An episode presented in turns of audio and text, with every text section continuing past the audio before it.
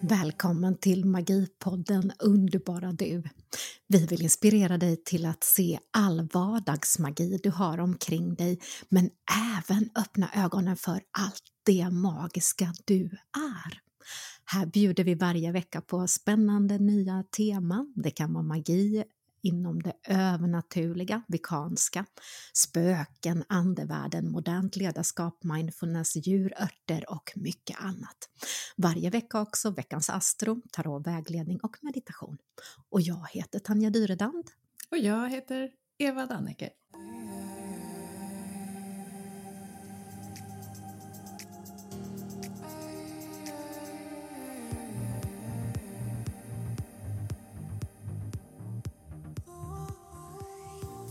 Varmt magiskt välkommen älskade lyssnare denna vecka med ett hett tema, nämligen elden.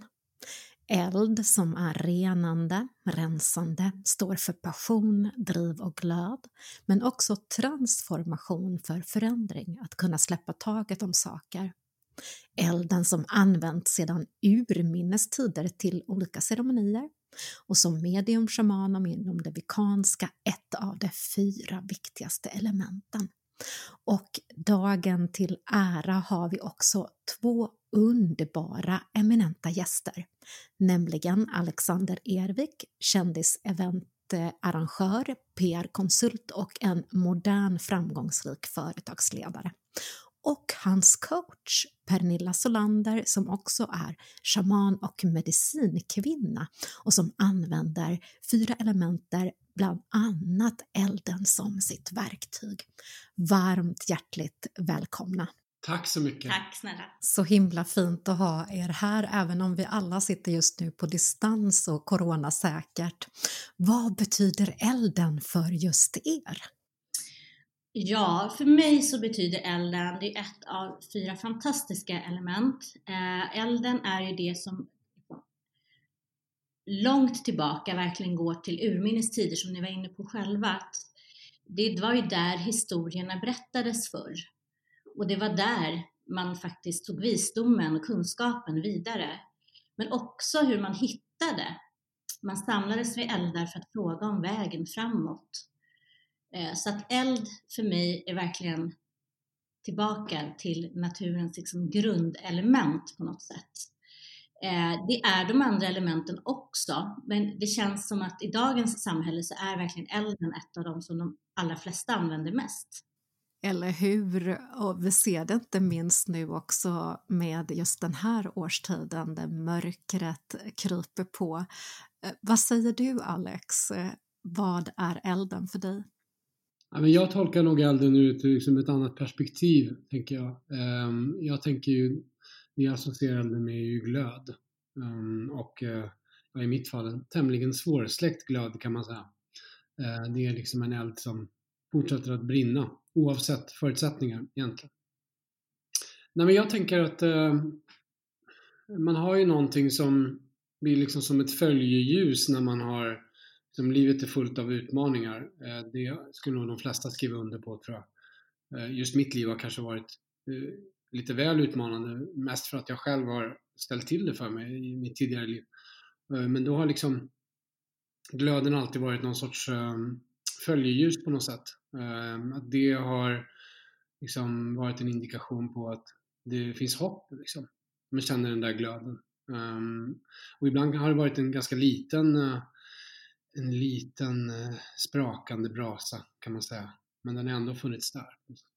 Så intressanta synvinklar och perspektiv på elden. Eva, vad betyder elden för dig?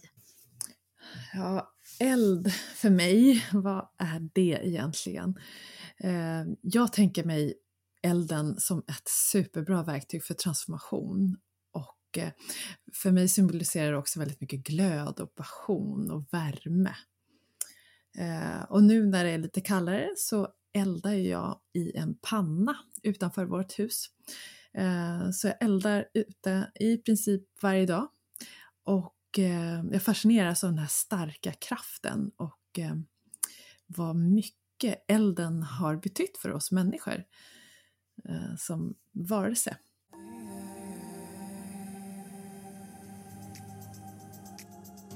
Ja, eld som transformation och en drivkraft till förändring är ju perfekt. Alexander, har du någonting du vill dela med dig utav gällande transformation och förändring? Du nämnde tidigare att du hade haft det lite tufft. Jag vet själv när man har en uppförsbacke i livet så kan det vara hjälpfullt att höra om någon annan hur de har transformerat och förändrat sig och kommit igenom en tuff period. Ja, då kan jag säga en, mycket av eh, jag påbörjade mitt personliga, mitt personliga arbete har liksom pågått länge kan man säga. Men eh, jag drog det till sin spets då för ungefär två år sedan. Det var också då jag eh, ungefär lärde känna Pernilla Solander. Eh, och som också coachat mig då i, i, i utveckling. Men det som, jag har verkligen gjort eh, alla misstag man kan göra vad det gäller psykisk ohälsa därför att eh, en sak som jag i retrospekt kan liksom önska att jag hade gjort tidigare, det var att jag tror på att man ska försöka mer, även om man, när man känner liksom smärta och hopplöshet, att man ändå ska utföra de vardagliga sysslor som man vet att man ska göra. Man ska gå till jobbet, man ska träffa vänner, man ska göra alla de här sakerna som en vardag normalt sett innehåller. Men med alla de här svåra eh, känslorna som man, som man har just där och då. Därför att misstaget jag gjorde var ju att jag eh, frossade i dem eh, under några år.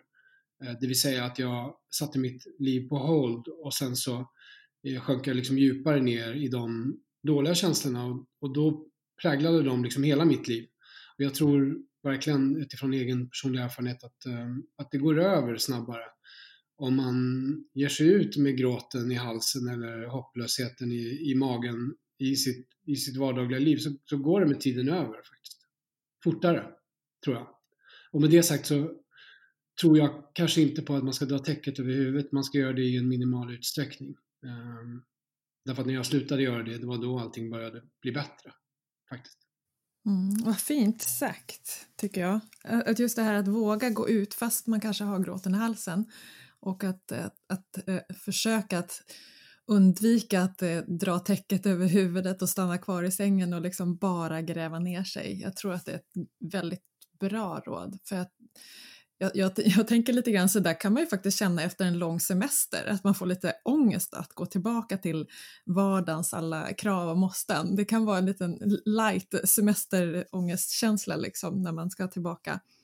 Eh, och är man verkligen deprimerad och har det tufft i livet och faller djupare ner i den här känslan så då är ju vägen tillbaka, den blir ju längre tänker jag. I kontext så ska man ju säga till den som lyssnar som inte känner till min bakgrund så under många år så hade jag ju diagnosen depression och i vuxen ålder och så har jag fått veta att jag har borderline och det, det är ju de sakerna som har varit anledningen till att jag, jag har haft missbruksmentalitet och jag har, ja, jag har haft det stökigt liksom parallellt då med att jag har haft ett kompatibelt, liksom, en kompatibel karriär hela tiden. Mm. Så djup depression kan man säga.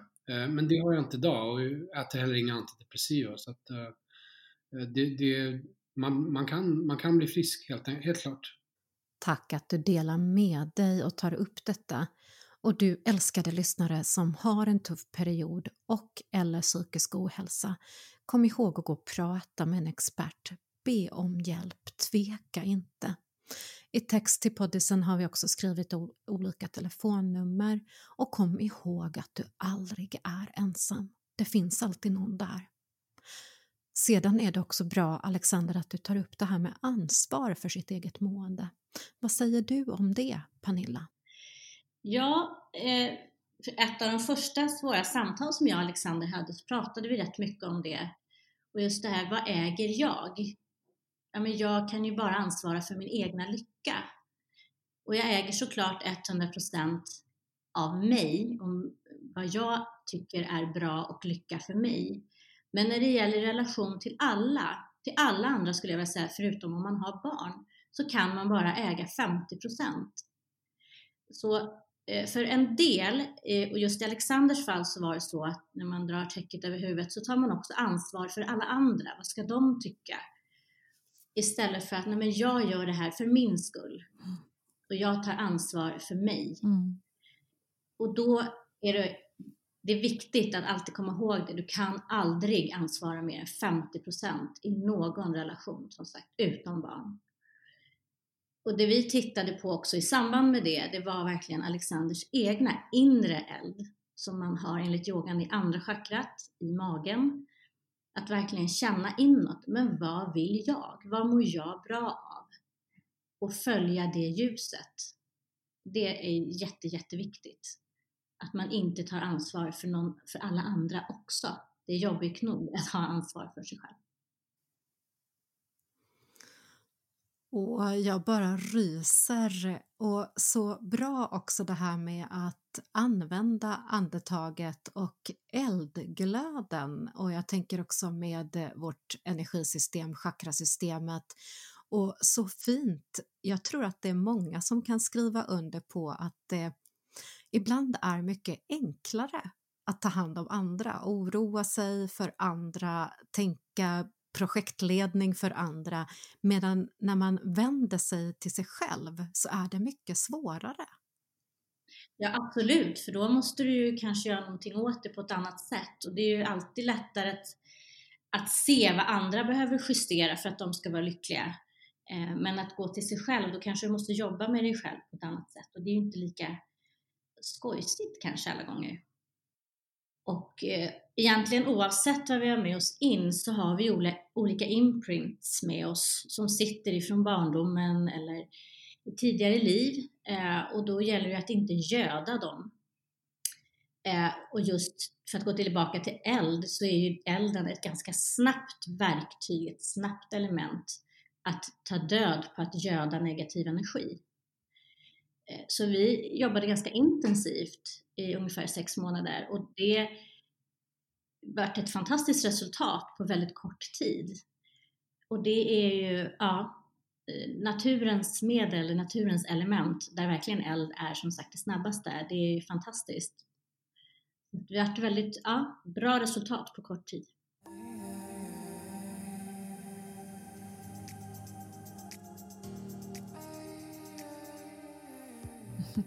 Nej, och jag blir så nyfiken också, eh, det här med eh, att få fatt i sin inre glöd och passion, det kan ju vara en utmaning att verkligen veta eh, vad vill jag och vad är det som, som liksom skulle innebära den allra högsta, bästa utvecklingen för mig.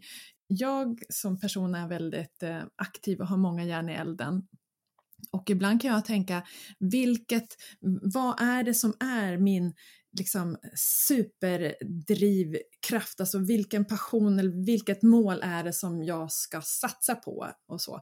Det, det har jag brottats med ibland, att liksom ta reda på vad jag egentligen, egentligen vill. Och att ibland har jag tänkt, men vad skulle, ja, jag kan vara så här att tänka, vad skulle innebära den högsta, bästa möjliga utvecklingen för mig och alla andra om jag gör, tar de här stegen.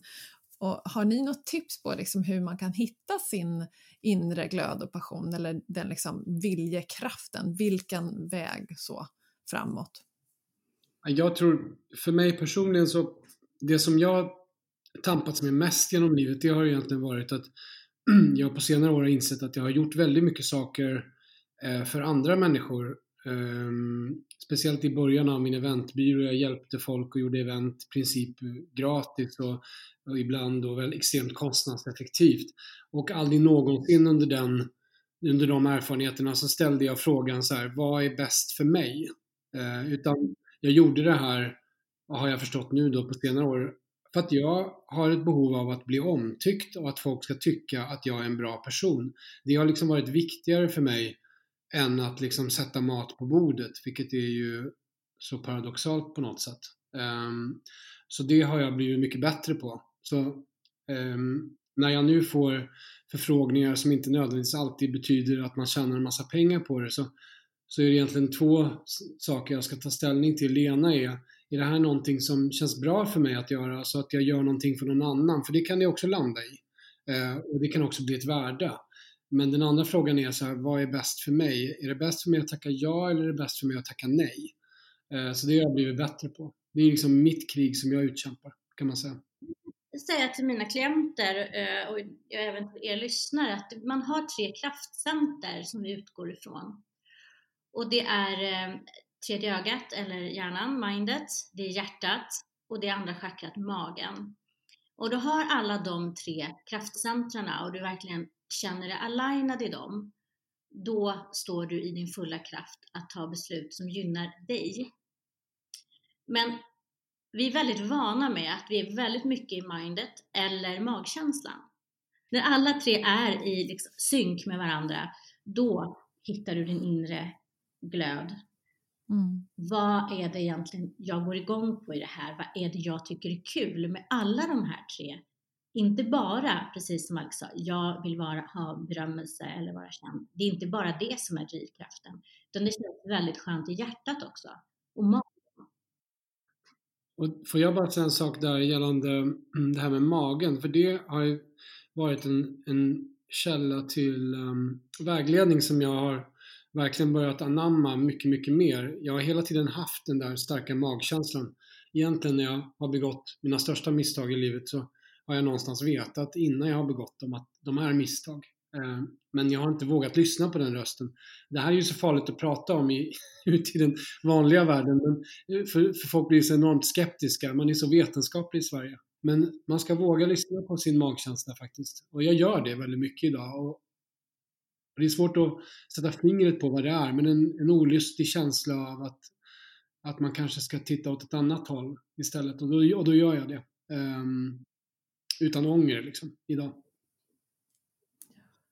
Ja, det är jättehäftigt och jag tänker just det, jag, jag, älskar det här med våra, våra alltså mage, hjärta och hjärna, våra, våra tre liksom, energicentrum där, att det är ju nyckeln till ett liv i balans och harmoni. Och, eh, men, men hur skulle man kunna göra då om, om vi ska ge några bra tips här till våra lyssnare för att eh, verkligen koppla samman mage, hjärta och hjärna? Ja, de, eh, de konkreta tipsen de kan Pernilla säkert komma med bättre men som människa så kan jag säga att, att eh, man ibland eh, ska överväga att tänka mindre med hjärtat.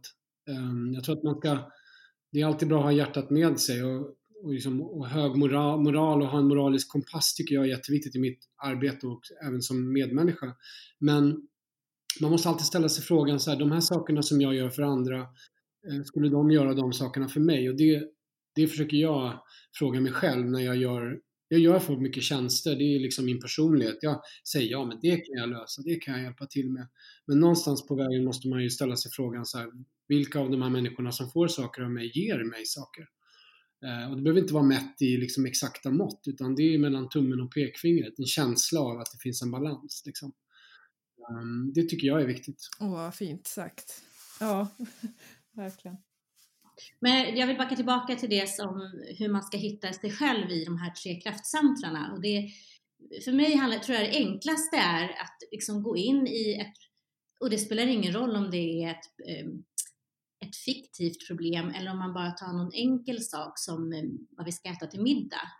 Att man verkligen går in i den och känner in något så här, ja men det känns bra, vi kan äta det här till middag, det här har vi råd med. Eh, det passar vår ekonomi. Det passar tiden som vi har för att tillaga det här.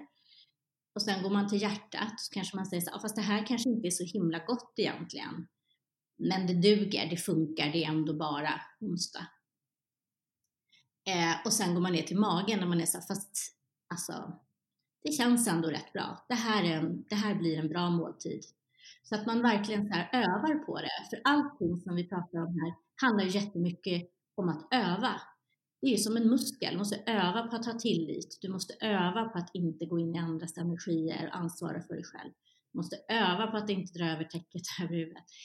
Så att, att verkligen gå in och öva på saker, för då blir det så självklart när du kliver in exempelvis som ledare och ska ta ett stort beslut, att du direkt kopplar på alla tre kraftcentrum och känner att det här skaver lite någonstans. Och då är du van med hur du kan tänka i de situationerna. Mm. Där får jag bara flika in med en liten kort sak också där, någonting som jag övar på det är ju min mentaliseringsförmåga, vilket är bra att kunna om man har mycket ilska i sig, vilket man ofta har när man har borderline och, och ibland andra diagnoser. Eh, mentaliseringsförmågan, alltså det vill säga att man övar på att försöka förstå motpartens känslor. Ehm, och det kan vara en hund faktiskt till och med. Eh, det behöver inte alltid vara en människa. Så det är någonting som jag övar på många gånger om dagen. Man möter en cyklist på fel sida om vägen. Så tänker man, undrar varför hon åker där? Kanske hon är från ett annat land? Är hon förvirrad? Har hon haft en dålig dag på jobbet? Och då neutraliserar man den här ilskan. Så det är ett väldigt bra, ett väldigt bra knep egentligen. Tre frågor räcker om motparten och så har man neutraliserat den instinktiva ilskan man känner för det som många kallar för idioter i trafiken till exempel. Um, Ehm, så det tycker jag är jättebra. Det kan man ju öva på. Åh, vilka bra tips att öva på att neutralisera när ilskan är det som eldar upp en. För vi människor har ju en autopilot, en autostrada som kickar igång med beteendemönster och tankemönster som vi säger gör ofta utan att vi ens tänker oss på. Och genom att bryta den här så kan man transformera sig och utvecklas vidare. Så älskade lyssnare, ta tillfället i akt och fundera på vad du behöver öva på att neutralisera. Framförallt om det är irritation och ilska som är onödiga energitjuvar.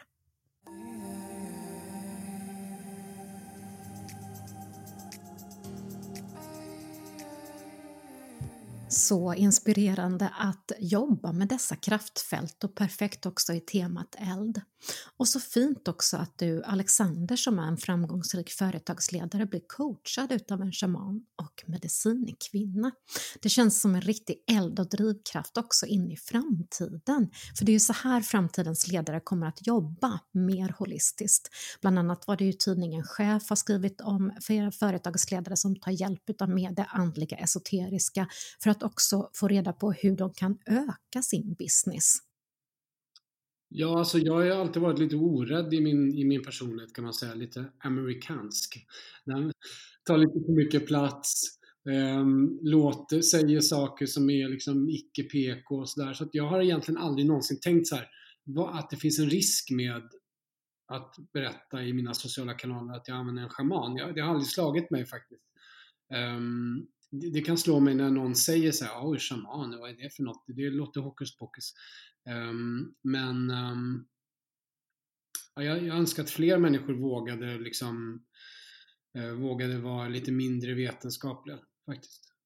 Uh, titta bara på mindfulness, är ett bra exempel som bara för några år sedan var hokus pokus och idag så är det, i alla fall i vissa regioner, så är det en etablerad behandlingsform um, bland vårdpersonal. Mm.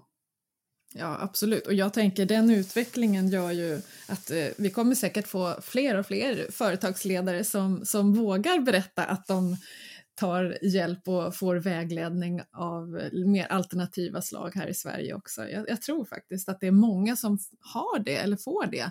Men som du säger Alex, att de vågar inte kanske gå ut med det alla gånger. Och till mig som medium och shaman kommer också många företagsledare men kanske inte alla vill prata om det. Hur är det för dig Pernilla? Eh, mängder är det eh, kanske inte, men det har verkligen skiftat i samhället jättemycket, framförallt det här året. Och jag tror också att det hela 2020 har verkligen varit att man går inåt och börjar lyssna på, nej men vad vill jag? Vad är det som är mina drivkrafter och vad är det som är viktigt och vad vill jag stå för? Eh, och det så visst har det skiftat jättemycket och det, är, det som är intressant är att de företagsledarna som går till mig, de har också ökat sin omsättning, de har inte tappat någonting i år. Så att man ser att följderna blir väldigt, väldigt annorlunda. Eh, de håller i det, men de mår bra i det och de har inte samma stress. De har en balans, fast det, vi lever ju just nu i en otroligt oviss tid. Ändå så har man ett lugn och står där som en stabil ledare och det är ju jätte, jättestarkt.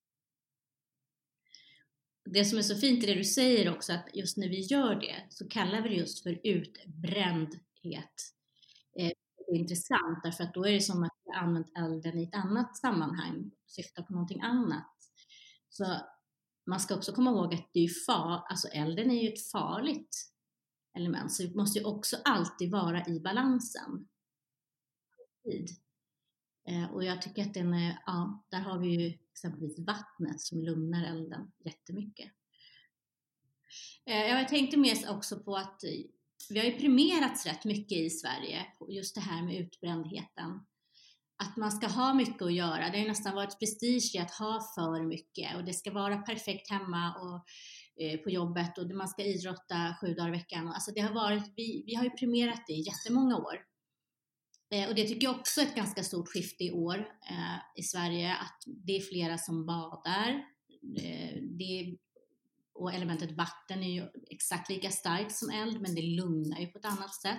Så då är vi där igen med balansen. Eh, och sen tänker jag också på de här stora eldarna som har varit runt om i världen, på Mallorca eller i Peru, eh, i Amazonas, att när de har brunnit ut så är det ju, kommer det upp nya arter, vilket är väldigt intressant. Så vi har ju också mycket att lära om man nu då blir utbränd så hittar man ju annat, annan glöd som Alexander var inne på, som liksom tar en vidare till något annat som man inte hade förut. Ja, eh, jo, och här ute i skogen där jag bor så eldar jag i en stor vedpanna. Och så slog det mig, liksom, det är ju samma sak där egentligen med, med vedpannan, för att när man, det tar väldigt mycket energi och är lite trickigt att få igång elden. Eh, när den väl har kommit igång och det brinner, då är det bara att lassa in ved. Liksom. Och, och, och sen kanske man glömmer bort det där och inte springer och lassar in och ved så att, så att det blir liksom bara tom glöd och den till och med blir så kall så att det, det tar sig inte igen. Liksom. Och då är det ju verkligen utbränt. Och, ja, jag, jag fick så många roliga eh, flashbacks där med min eldning och, och sen att det, att det var så väldigt likt hur det egentligen är att vara utbränd. För att ja, när du är där nere på botten och är helt kall och bara vill dra täcket över dig, då, då är det ganska ja, det är energikrävande att få igång elden igen. Medan om vi, om vi verkligen har kontakt med oss själva och lyssnar och känner efter och liksom tänker okej okay, nu sprakar det riktigt bra med elden men då kanske jag inte behöver slänga in så mycket mer pinnar, då kan jag njuta av det och gå framåt i livet. Och, eh, men när liksom det är glöd, en fin glödbotten, då är det dags att lägga in mer ved så att den inte bränns ut helt enkelt. Jag tycker, ja det var jättespännande. Tack för det Pernilla! Ja, tack Pernilla. Och jag tänker också på transformation, för elden transformerar ju det, alltså det brinnande materia och blir till luft.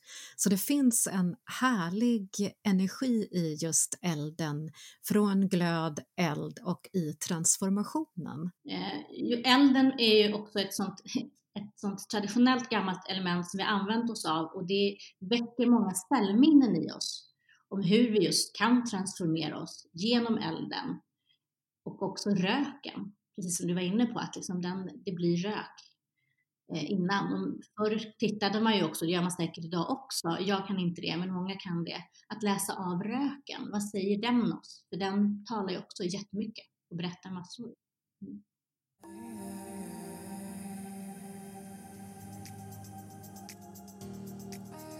Nu mer än någonsin behöver vi lite extra ljus, framförallt när man knappt ser solen om dagarna. Att tända en eld eller ett ljus är perfekt då. Elden som också är tecknet för skytten som solen står i nu. Och den 14 december så går vi in i en nymåne in i skytten och det blir total solförmörkelse. Det här är en av flera kraftportaler nu i december och varje gång det blir en solförmörkelse påverkas vi och den här gången är det överflöd som är temat. Vi har även en överflödsportal den 17, den 19 december och sen även vintersolståndet den 21. Och vad är då mer perfekt än bjuda in än att ha lite eld och också en perfekt tid att fråga dig själv, älskade lyssnare, vad vill du ha mer utav in i ditt liv? Vad ska du göra, Alexander, inför de här kraftportalerna? Har du någon magisk ceremoni eller ritual inför den här kommande nymånen? Jag gör ingen speciell ceremoni mer än eh, just nu, mer än att jag bränner en del lappar. Och det här kan då jag har ju själv när jag säger det att det här låter verkligen hokus pokus men faktum är att jag har landat i vad det är som är essensen av det som är värdefullt i, det här att skriva upp ett namn och en skuld på en papperslapp och bränna den. Och jag kommer fram till att det är först när man gör det som man tar beslutet att lämna det bakom sig. Sen kan man behöva ta det där beslutet tre gånger. Vissa saker jag har skrivit på lappar tre gånger och först då så har det lämnat mig. Liksom. Det där är en process som tar lång tid. Man ska inte räkna med att eh, det försvinner på en gång. Liksom. Ja, eh, eh, ja, den absolut enklaste formen är ju att tända ett ljus och önska in vad man vill ha i det. Eh, kanske skriva en lapp eh, på vad man antingen vill bli av med eller vad man önskar in och bränna upp den. Eh, ge det som en önskning helt enkelt, eller som en bön eller vad man nu kallar det för. Det är nog den absolut enklaste ceremonin. Och den kan man ju alltid göra hemma. Eh, så det är ganska snabbt och enkelt. Och det du gör då i praktik, du skriver en lapp exempelvis med ett namn som du kanske inte, på personen som du känner kanske har för mycket negativ inverkan eller för negativ energi till så att du inte göder den utan då bryter du den energin genom att bränna upp den lappen. Jag önskar nog in, jag sätter nog verkligen intentionen, vad jag vill. Vilka livsområden är viktiga för mig? För det är ju inte bara att det liksom är en i skytten. Det är också, vi går in i ett, som du sa, ett vintersolstånd som är otroligt kraftfullt i år och som kommer skifta extremt mycket globalt. Så att sätta intentionen framåt och verkligen så de fröna eh, på olika sätt. Ibland gör jag det genom att göra någon eldceremoni. Ibland vill jag ta alltid hjälp av naturen, ibland vid vattnet.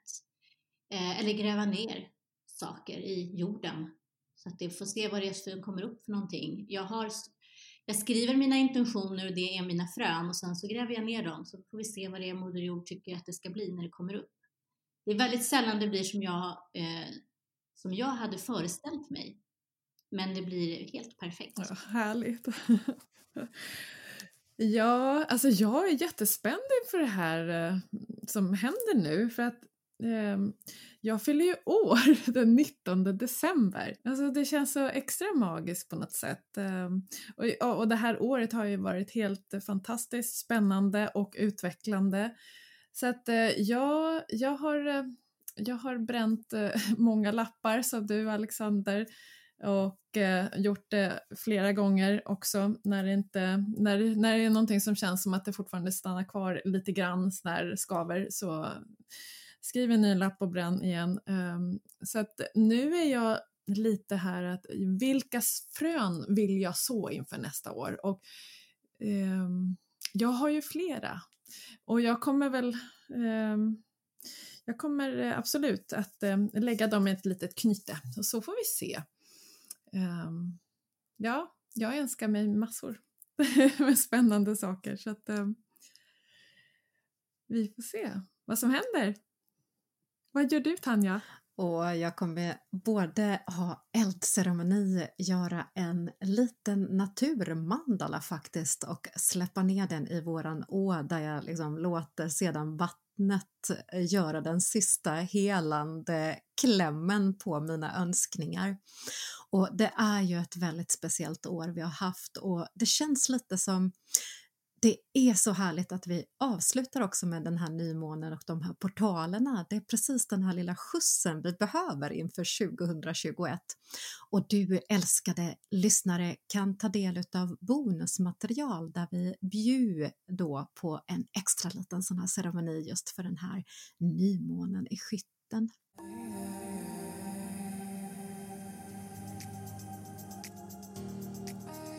Och tiden har som vanligt bara swooshat eller brunnit iväg skulle man kunna säga idag.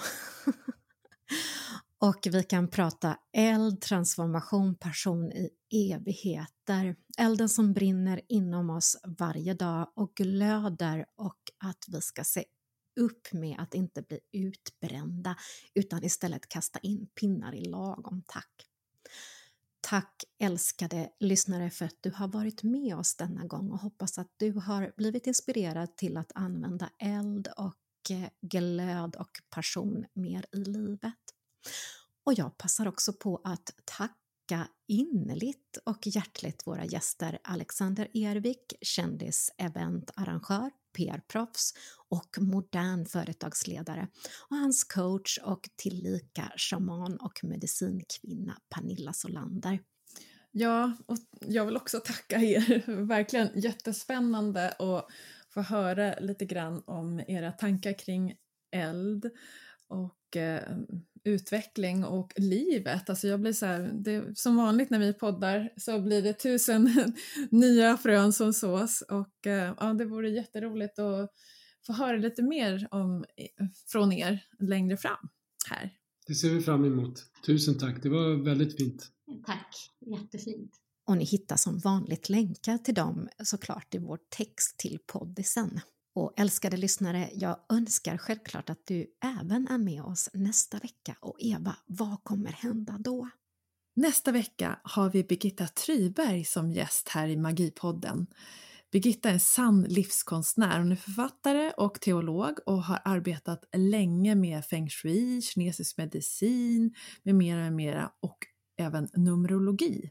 Nästa vecka ska vi prata om den numerologiska koden för vår planet. Eh, just det här datumet 7.11 2020 när Joe Biden vann valet. Så missa inte nästa avsnitt av Magipodden. Jag ser så mycket fram emot nästa vecka. Och passa på att önska dig en magisk fortsatt vecka och så lyssnar vi på en guidad meditation. Hej då! Hej då! Hej då!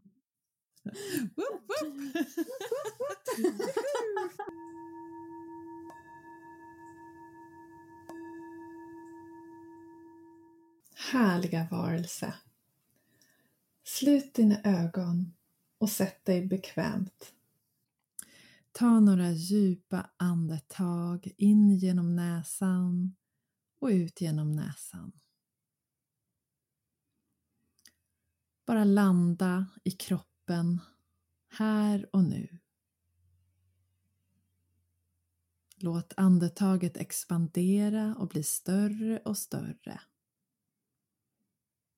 Känn hur magen buktar ut när du andas in. Och känn hur magen sjunker ihop och blir platt när du andas ut.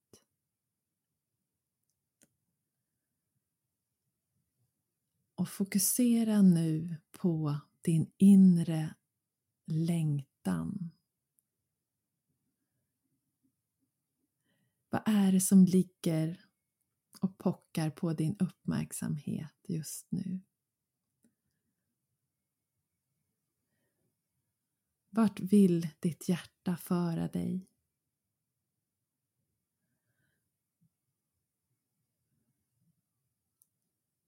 Vilka tankar är det som ger dig den här härliga gnistan av energi och lust och glädje?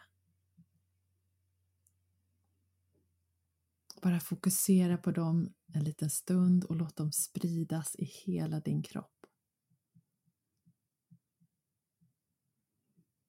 Känn hur den här värmen och glöden sprider sig ut i alla dina celler hur din längtan och din dröm liksom manifesteras av den här värmen som går ut i dina celler. Bara låt det spridas i hela din kropp.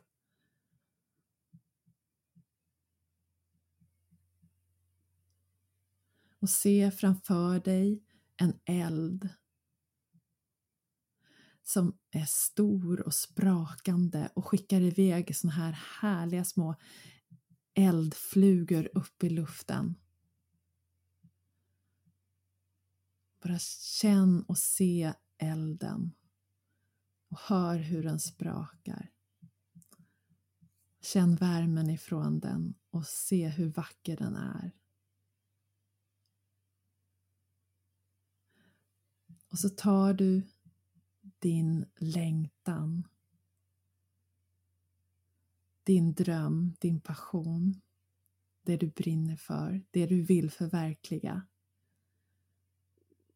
Och låter elden få hjälpa till att sprida det vidare. Sprida det vidare ut i världen så att du får dela din gåva med världen. Bara se hur elden för med sig din längtan, din passion all glädje och energi.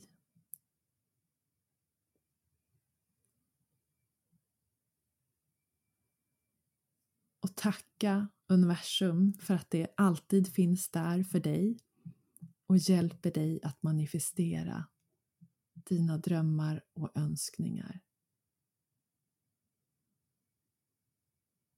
Och så tar du tre djupa andetag in genom näsan och ut genom näsan.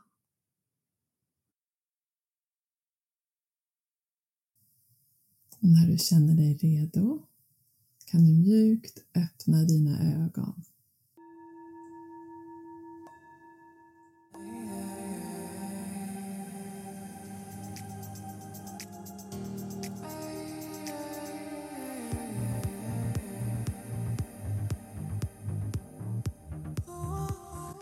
Du har lyssnat på Magipodden med Tanja Dyredand och Eva Dannecker. Nya inspirerande avsnitt varje söndag. Du hittar podden på Acast, Spotify, iTunes, Anchor FM. Och jag vill passa på att säga kom ihåg att du är magi, att du är magisk. Hej då! Hej då!